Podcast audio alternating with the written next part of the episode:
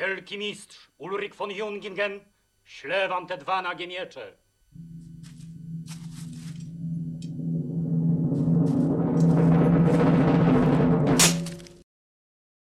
Nie wszystko w historii jest tak proste i oczywiste, jak możemy o tym przeczytać w podręcznikach szkolnych. Czasami historycy wiodą długie dyskusje i spory, starając się zrozumieć i wyjaśnić genezę i przebieg wydarzeń, które na pierwszy rzut oka wydają się jedynie datami, trudniejszymi lub łatwiejszymi do zapamiętania. Posłuchajmy, co mają do powiedzenia dwaj zaproszeni przez nas historycy, Krzysztof Kowalewski i Igor Konkolewski, na temat wydarzenia znanego każdemu z nas z lekcji historii, bitwy pod Grunwaldem. Bitwa pod Grunwaldem jest jednym z tych wydarzeń w historii e, Polski, e, którą znamy, o której się uczymy, poznając nawet datę dzienną. 15 lipca 1410 roku. Jedno absolutnie z najważniejszych wydarzeń w dziejach Polski, tak przynajmniej jest podręcznikowo e, bitwa pod Grunwaldem przedstawiana. Ta bitwa miała miejsce w trakcie ważnej wojny, tak zwanej Wielkiej Wojny z Zakonem Krzyżackim. Mhm. No, warto tu dodać, że to jest bodaj jedyna y, wojna w naszych podręcznikach historii, mm. w cudzysłowie nasza wojna, prawda, która e, ma to określenie wielka. Nie, nie znam, prawda, no oczywiście Wielka Wojna Światowa, prawda, i tak dalej, ale czy pierwsza wojna, prawda, miała mm. taką nazwę, ale przez pewien czas, zanim nie, zanim nie wybuchła, nie, do, do, nie tak, do II wojny światowej. Natomiast, natomiast rzeczywiście, jeśli to weźmiemy w nawias, prawda, no to zostaje nam tylko ta, prawda, ta wojna z lat 1409-1411 jako wojna no wielka. Tak samo bitwa pod Grunwaldem też, prawda, ma te już źródłowe, te najwcześniejsze, jedno z najwcześniejszych określeń jako wielkie pobicie. Mhm. No, więc to już ono współczesnym e, imponowało. Zresztą słusznie, prawda, to, mhm. jeśli spróbujemy policzyć prawda, uczestników tej bitwy, co oczywiście nie jest proste, no to, to mhm. musi to imponować także na tle y, ówczesnego, no przynajmniej naszego świata, prawda, mm. czyli czy Europy. No właśnie, e, jak doszło do tej wielkiej wojny z zakonem krzyżackim, jaka była geneza tej e, wojny jak wyglądały stosunki polsko-krzyżackie wcześniej, przed wybuchem konfliktu. Więc ja myślę, że rozmawiając o Grunwaldzie będziemy ciągle potykać się o uproszczenia, opowiem takie mity, prawda, powielane, także przez podręczniki, przez beletrystykę. No i jednym z takich e, twierdzeń, no, od razu trzeba jakby się wobec, zdystansować się wobec tego twierdzenia, to jest przekonanie o nieuchronności prawda, konfliktu, że, że tak naprawdę to wszyscy czekali, kiedy wreszcie ta prawda, wielka wojna wybuchnie, prawda, jak stworzyć pewne warunki, okoliczności i tak dalej. Oczywiście E, mówiąc poważnie, prawda? Więc ten konflikt miał swoją głębszą genezę, taką średniodystansową genezę i najbliższą. I więc jeśli chodzi o tę genezę najgłębszą, no to jest e, konflikt, który już na początku XV wieku trzeba uznać za, może być ukryty, prawda? To znaczy taki, z którym, e, o którym na co dzień nie pamiętano. O Pomorze prawda, że zakon krzyżacki, wykorzystując prawda, to słabość y, piastowskiej Polski, ten moment prawda, jednoczenia przez Łokietka, który wiadomo miał inne rzeczy prawda, na głowie. Po rozbiciu tak, po rozbiciu dzielnicowym, zakon krzyżacki, który y, budował swoje państwo w Prusach, prawda, zagarnął Pomorze, Pomorze Gdańskie. Przypomnijmy, kiedy to było. To była powiedzmy przełom pierwszej, drugiej prawda, dekady XIV y, y, wieku, jest to 1000 powiedzmy 308 tam do 309, prawda, bo to się y, przez kilka miesięcy prawda, to o, trwało opanowywanie przez krzyżaków Pomorza Gdańskiego. E, Piastowie, czyli Łokietek, później jego syn Kazimierz Wielki, E, także elity państwa polskiego nie pogodziły się z tym faktem i trzeba powiedzieć, że to było źródło serii konfliktów oraz bardzo ciekawego zjawiska, mianowicie serii procesów takich międzynarodowych. Można powiedzieć, że to jest... Procesów sądowych. Sądowych, tak, procesów sądowych, y, w których arbitrem y, była stolica apostolska, no, papiestwo, y, z wyrokami właśnie korzystnymi dla, e, dla Polski, z których nic nie wynikało, dlatego że krzyżacy się potrafili odwoływać, prawda, przeciągać i tak dalej. E, W każdym razie no, e, no nie udało się to, jak wiemy, prawda, Pomorza, Pomorza Gdańskiego odzyskać i wreszcie Kazimierz Wielki, który zasługiwał jak najbardziej na ten przydomek, z, zaczął odbudowywać, czy tworzyć podwaliny pod potęgę państwa polskiego, e, no, rezygnując z Pomorza. Znaczy uznając, że w układzie sił, ty, prawda, powiedzmy gdzieś tam e, końca pierwszej połowy XIV wieku Pomorza odzyskać się po prostu e, no, nie da. Pokój kaliski z 1343 roku sprawę zamknął. To znaczy... To znaczy, właśnie, zamknął z malutką furtką, jeśli mogę tak powiedzieć, prawda? Taką otwartą, malutką furtką. Bo e, król polski zrzekł się Pomorza na rzecz Krzyżaków, ale jako wieczysta jałmużna, czyli coś, można powiedzieć, co on podarował. A jakby ta formuła mogłaby w przyszłości, prawda, zostać, no, można być wykorzystana do rewizji. Oczywiście taki, do takiej rewizji nie doszło przez najbliższe kilkadziesiąt lat, prawda? Więc e, wbrew beletrystyce, no wbrew też e, tej wizji, no, którą no, w każdym razie my jeszcze się chyba karmiliśmy, prawda? To znaczy myślę tutaj o tej beletrystycznej, literackiej wizji yy, Sienkiewicza w Krzyżakach, prawda? że ta granica polsko-krzyżacka jest krwawą granicą, prawda? Że jest krwa, granicą ciągłych pra- konfliktów, takiej nienawiści i pamięci prawda? o krzywdzie. No nie, nie. No, w takim razie przypomnijmy, w 1343 roku Kazimierz Wielki zawarł z państwem krzyżackim pokój, pokój wieczysty. Tak, tak. e, i e, oddał w ręce Ewe Krzyżackie, zagarnięte wcześniej przez Pomorze, Krzyżaków tak, Pomorze w latach Gdańskie. 1308-1309, Pomorze Pomorze, Gdańskie, samym Gdańskiem, potężnym miastem, potężnym portem bałtyckim. I co działo się po 1343 roku? Jak wyglądały najbliższe dziesięciolecia i stosunki polsko-krzyżackie po tym pokoju? Znaczy, jakby nie wchodząc w jakieś, z- jak powiem, niepotrzebne w, tym, w, tej naszej rozmowie szczegóły, można powiedzieć, skwitować to jednym stwierdzeniem. No był pokój po prostu. Tutaj, mm, znaczy, pokój, no oczywiście nie brakowało rozmaitych nadgranicznych pewnie jakichś tam konfliktów, ale to był standard prawda, w, ówczesnym, w ówczesnym świecie. Trzeba powiedzieć, że ówczesne państwo polskie, zresztą i państwo krzyżackie, miało inne priorytety. Mia- Krzyżacy byli zaangażowani w konflikt z Litwą. Z drugiej strony umacniali swoją potęgę nawet nie tyle polityczną, ile gospodarczą. Właśnie na całym tym obszarze Morza Bałtyckiego, gdzie mieli poważnych prawda, konkurentów. Prawda? Hanzę, prawda? y, państwa skandynawskie. E, Natomiast jeśli chodzi o państwo polskie, to e, Kazimierz Wielki znalazł no, nowy kierunek obiecujący prawda, ekspansji, który Gdzie zresztą on prowadził zaważył w ogóle na dziejach. To ta decyzja Kazimierza Wielkiego, tutaj mm, dodam, że Kazimierz Wielki stwierdził, że on tę ziemię prawda, nie dla siebie, tylko dla swoich poddanych prawda, podbija, zajmuje.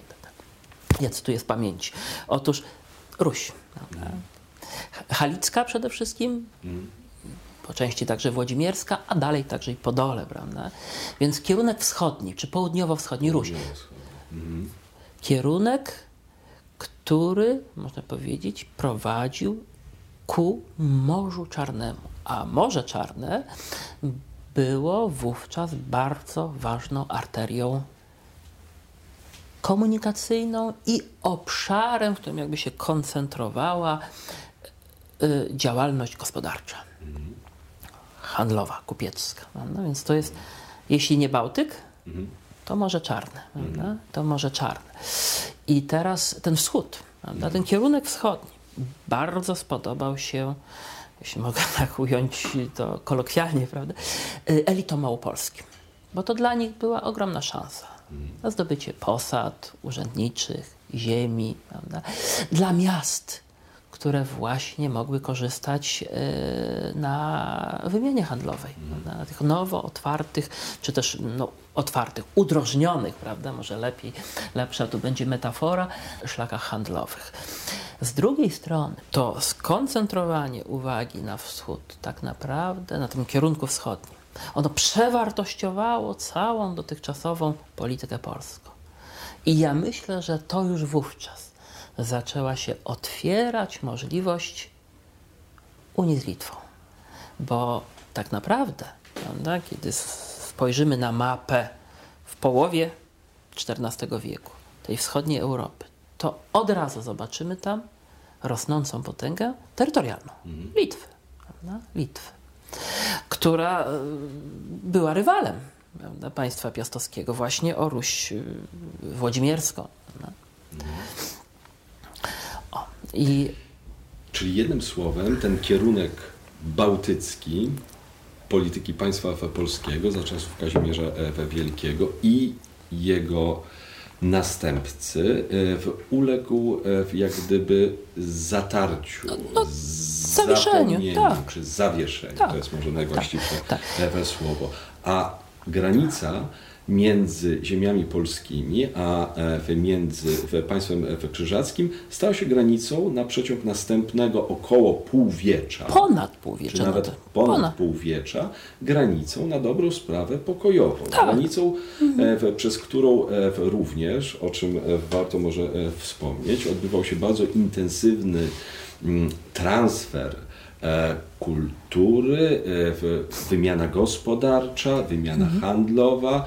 Warto może wspomnieć o tym, że wiele zabytków, które e, Na powstały na Mazowszu, Prawda? zostały wzniesione, wybudowane przez budowniczych i architektów, którzy przybyli na Mazowsze z ziem państwa zakonnego w Prusach.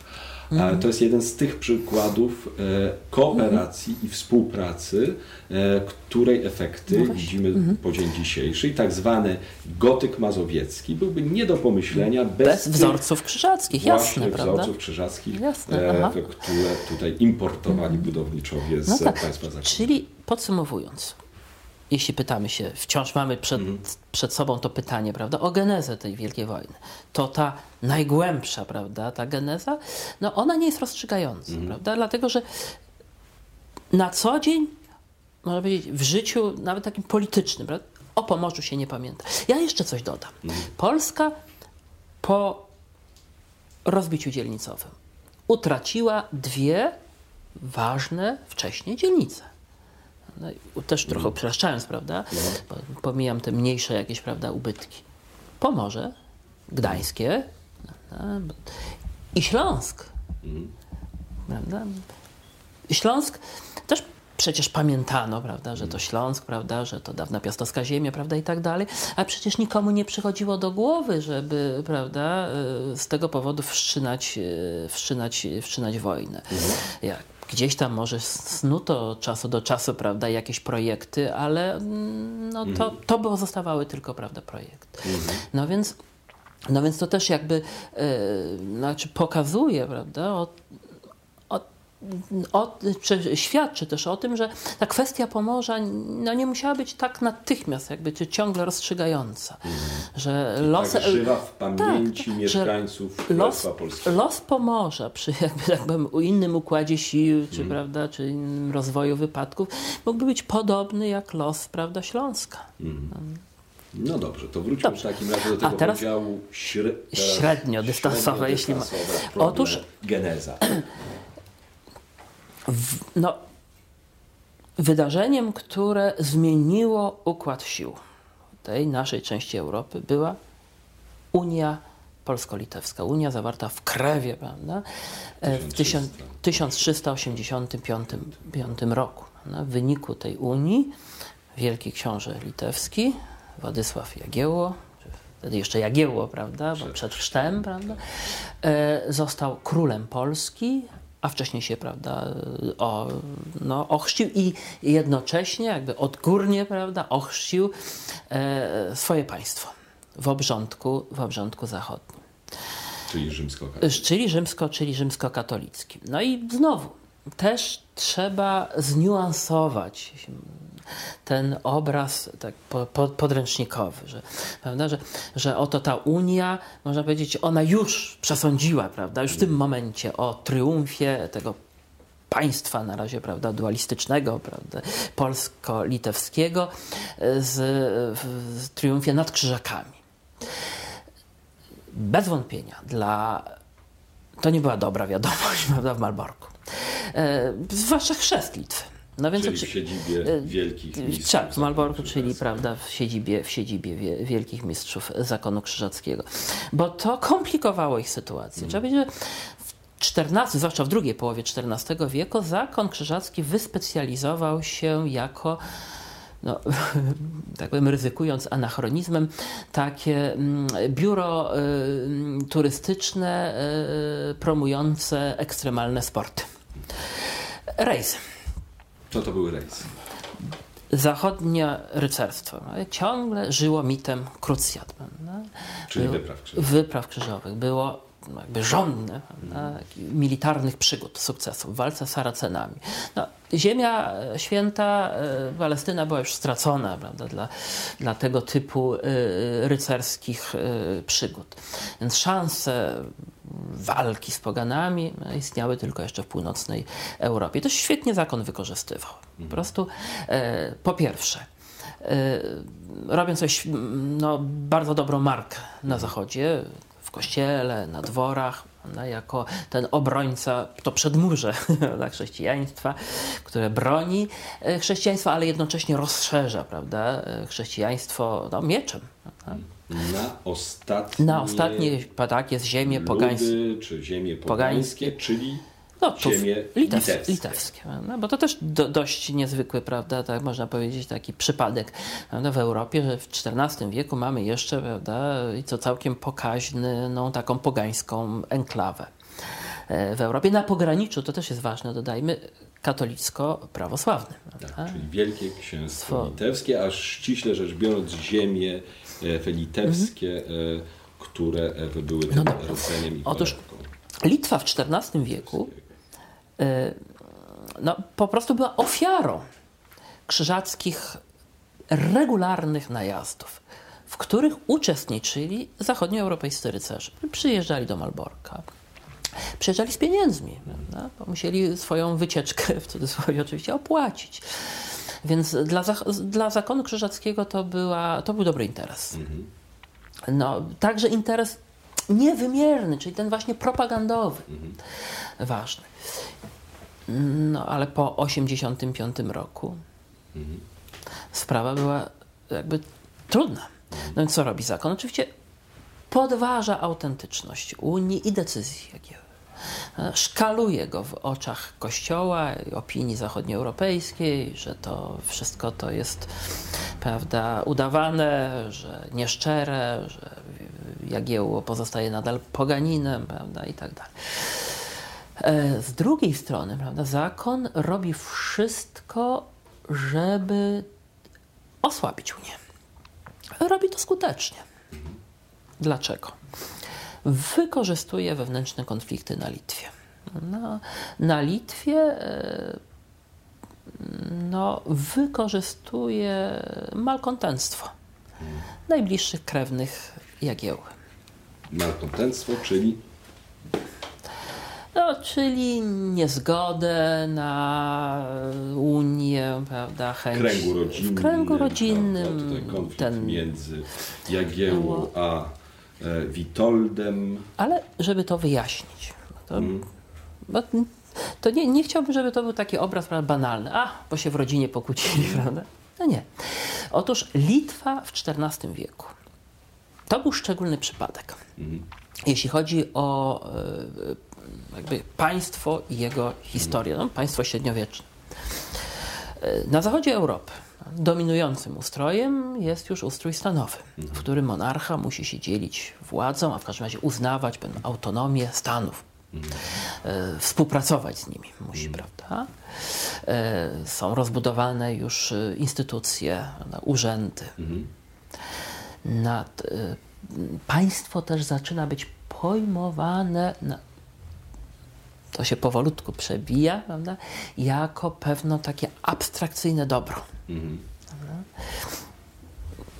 Najczęstszym pojęciem, które występuje, to jest korona. Korona jest właśnie synonimem e, no właśnie tego, co my nazywamy prawda, państwem, pewnym takim prawda, pojęciem abstrakcyjnym.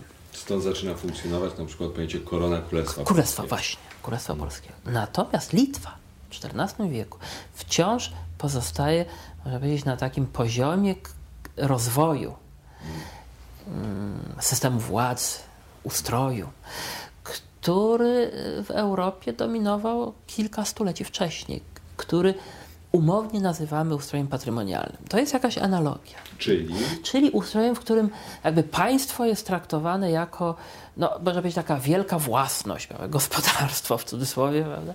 E, rodziny panującej dynastii.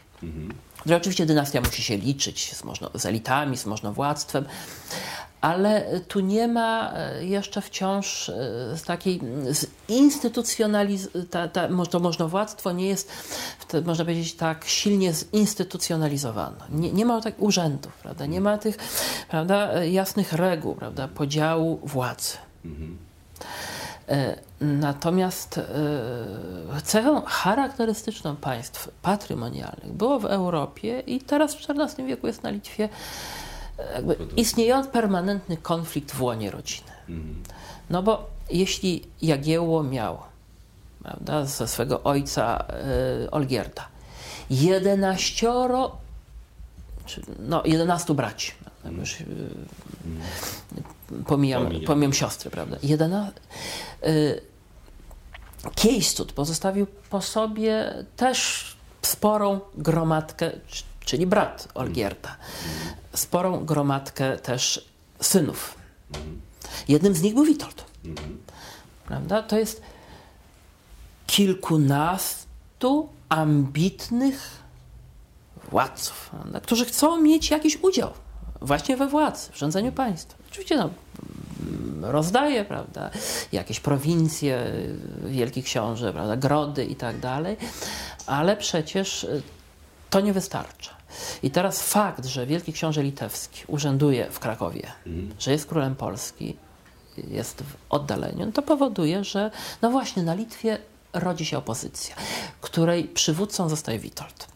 Tym bardziej, no już ja nie chcę tak głęboko wchodzić, bo mm, że no, śmierć jego taty, Kiejstuta, no to jest, no nie ma, no nie ma co ukrywać, no, na, stał za tym Jagiełło który swego stryja po prostu, jeśli, znaczy no nie osobiście, ale na pewno za jego wiedzą został uśmiercony. w związku z czym Witold e, niechętnym uraz, okiem, tak, spogląda na Ewy Jagieły, na Władysława Ewy Jagiełły i czasami stara się szukać sojuszu e, z państwem Ewy Krzyżackim przeciwko Ale-. Ale oczywiście, to znaczy Witold uważa, że, mm, znaczy on podważa Unię. Prawda? Przez, przez ładnych e, kilkanaście lat prawda? Po, po Unii. I to natychmiast wykorzystuje zakon krzyżacki, który go wspiera. Więc to są te znowu permanentne prawda, konflikty, e, wojny, zmiany sojuszu, bo raz Witold jest krzyżakami, raz jest przeciw, prawda? No trudno się w tym połapać na dobrą sprawę w tak krótkim... Tak, w ten sposób dochodzimy do tych krótkodystansowych, Do tych już, dlatego e, że... bezpośrednich przyczyn Wielkiej Wojny. Bo myślę, że tutaj przełomem, przełomem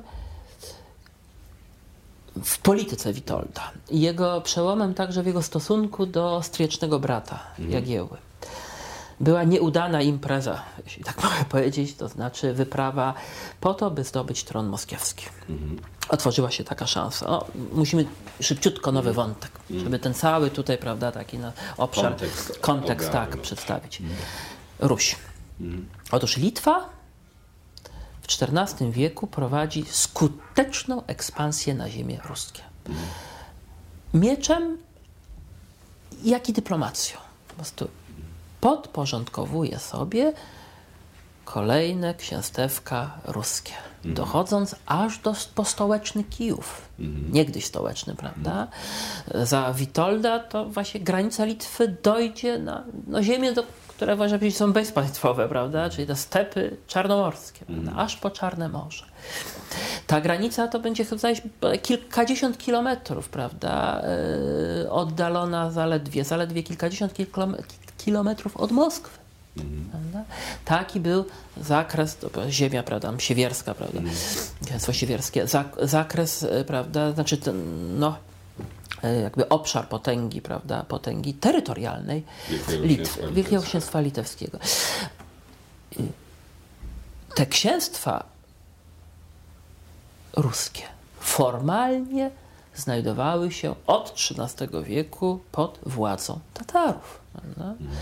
E, imperium Złotej Ordy, Imperium Tatarskiego, e, które, tych Tatarów, którzy, prawda, a właściwie no, nie tych, Tylko potomków tych, Tych- z Podlegnicy, tych, Tak, którzy tak, najechali tak, na tak. ziemię polskie e, w No. połowie XIII e, powiedzmy potomków, którzy już dawno e, przyjęli język turecki, przyjęli islam i z Mongołami, tymi, prawda, żyjącymi na stepach mongolskich nie mają już nic wspólnego, prawda, także pod względem, prawda, nie tylko kultury, religii, ale i nawet i krwi, bo przecież to y, ten, ten żywioł mongolski y, uległ, y, no, prawda, uległ no, roztopieniu się w tym, prawda, morzu ludności, ludności tureckiej, prawda, to są ci Tatarzy, których my znamy, prawda, no, wiadomo, też z beletrystyki, ale zostawmy to. W każdym razie ta Złota Orda, która panuje także na ziemia, nad, y, czy sprawuje władzę na, nad ziemiami ruskimi, to już na początku, to już w XIV wieku jest państwo słabnące, a na początku XV wieku to już jest cień dawnej potęgi. Prawda? I to wykorzystuje Litwa, która rozwija ekspansję. Ziemie ruskie bardzo często, czy książęta ruscy bardzo często pokojowo, prawda, dobrowolnie poddają się pod panowanie Litwy, licząc, że to będzie bardziej przyjazny, prawda, władca niż y, Tatarski. I teraz ta Litwa, to jeszcze dodajmy, jest tak naprawdę może w 20% państwem litewskim, jeśli chodzi o skład etniczny. A resztę to jest po prostu państwo ruskie i prawosławne. Także to, to, to wielkie państwo litewskie, ono wcale nie jest, prawda, e, tak po całości, że tak powiem, pogańskie.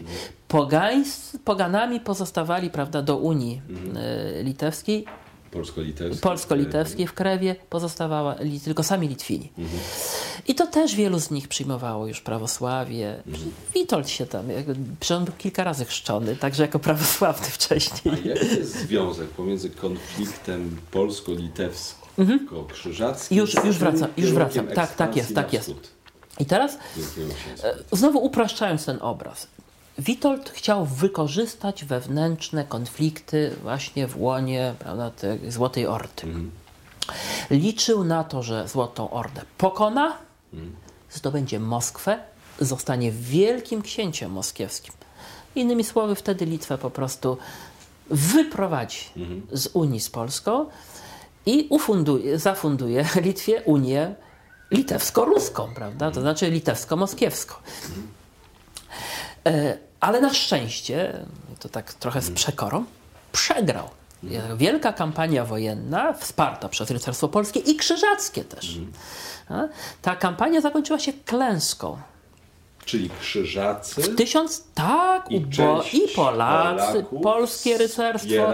tę wyprawę Tak jest, lit, litewską przeciwko, no bo, bo koniec końców była, bo koniec końców była to wyprawa przeciwko no, niewiernym, prawda, czyli przeciwko muzułmańskim, prawda. e, Kiedy ta władz- wyprawa miała miejsce? To jest 1399 rok. Czyli Na jeszcze w rzeko- 1399 roku Litwini częściowo Polacy współdziałali z rycerstwem krzyżackim. No, z posiłkami krzyżackimi. Czy z posiłkami krzyżackimi, m, organizując tę daleką wyprawę na południowo-wschodnie rubieże Wielkiego jest. Księstwa Litewskiego. Tak jest, ale ta wyprawa zakończyła się klęską nad rzeką.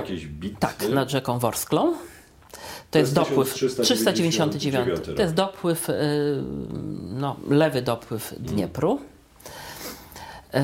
I jakie konsekwencje to pociągnęło? No, szczęśliwe dla Unii To Polsko-Litewskiej, znaczy? dlatego że to on, ta klęska pogrzebała ambicje Witolda. Witoldowi nie pozostawało nic innego, jak pogodzić się ze swoim stryjecznym bratem, Czyli Jagiełło, Władysławem Jagiełło. Doszło do odnowienia Unii polsko-litewskiej. polsko-litewskiej, ta, to ta Unia, prawda, teraz wileńska, prawda, na początku XV wieku, zatem 1401 rok i też do podziału władzy na Litwie.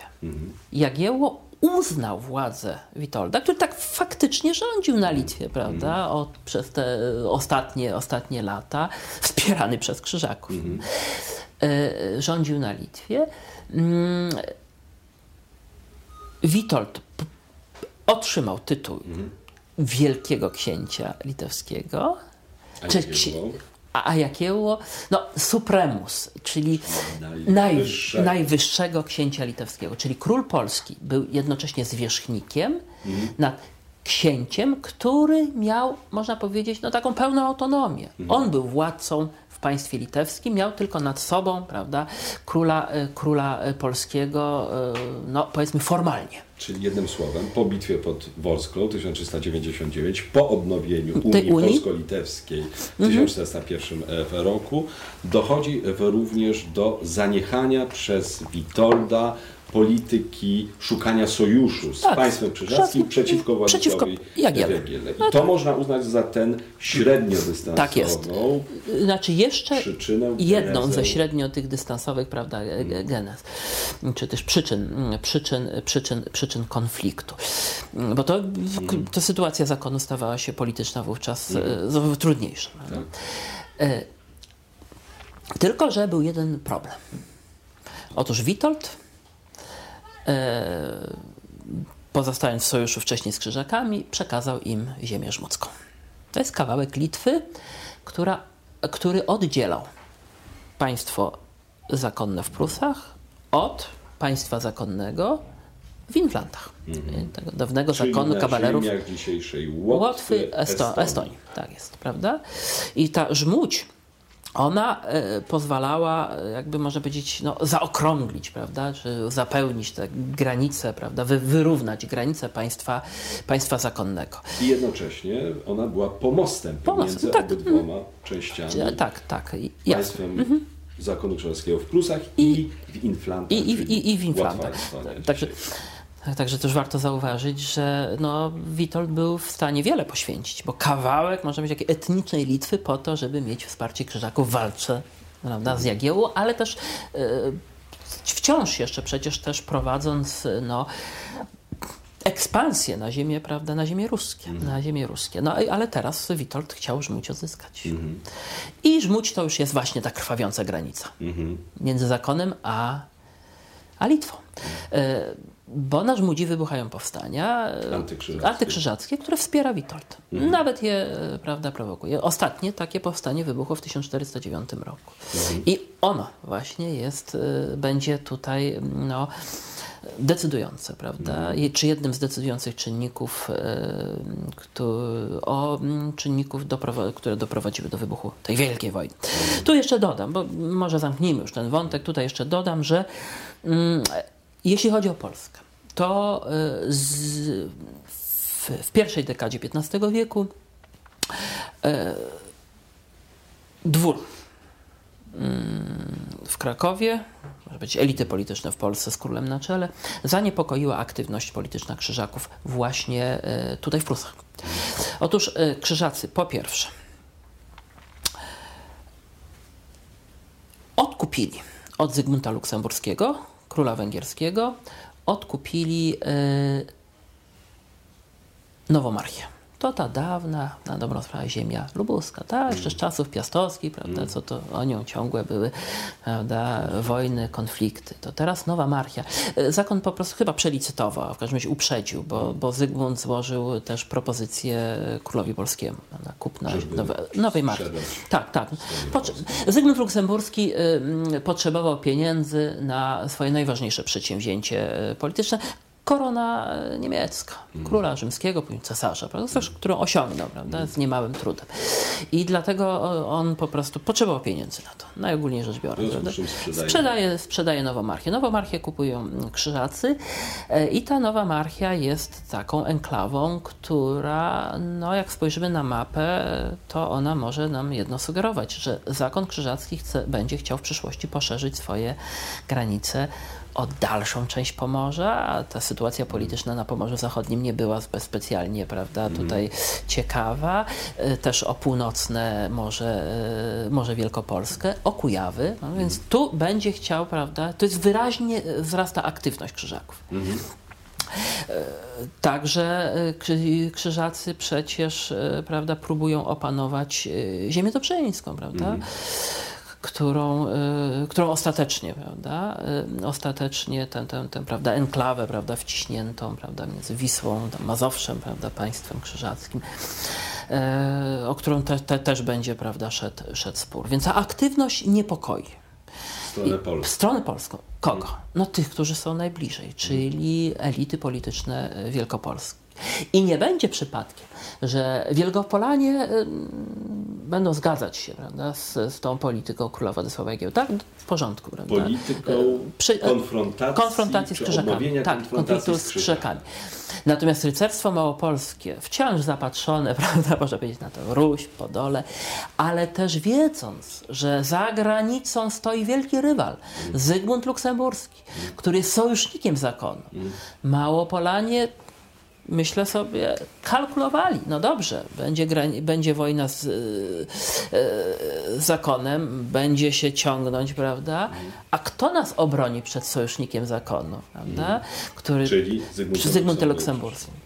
E, który z dzisiejszej Słowacji, prawda, czyli Górnych Węgier, zaatakuje Małopolskę.